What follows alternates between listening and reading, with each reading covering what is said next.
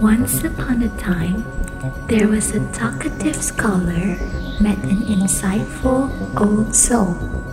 They made an endless conversation, the conversation that disseminated to the entire nation.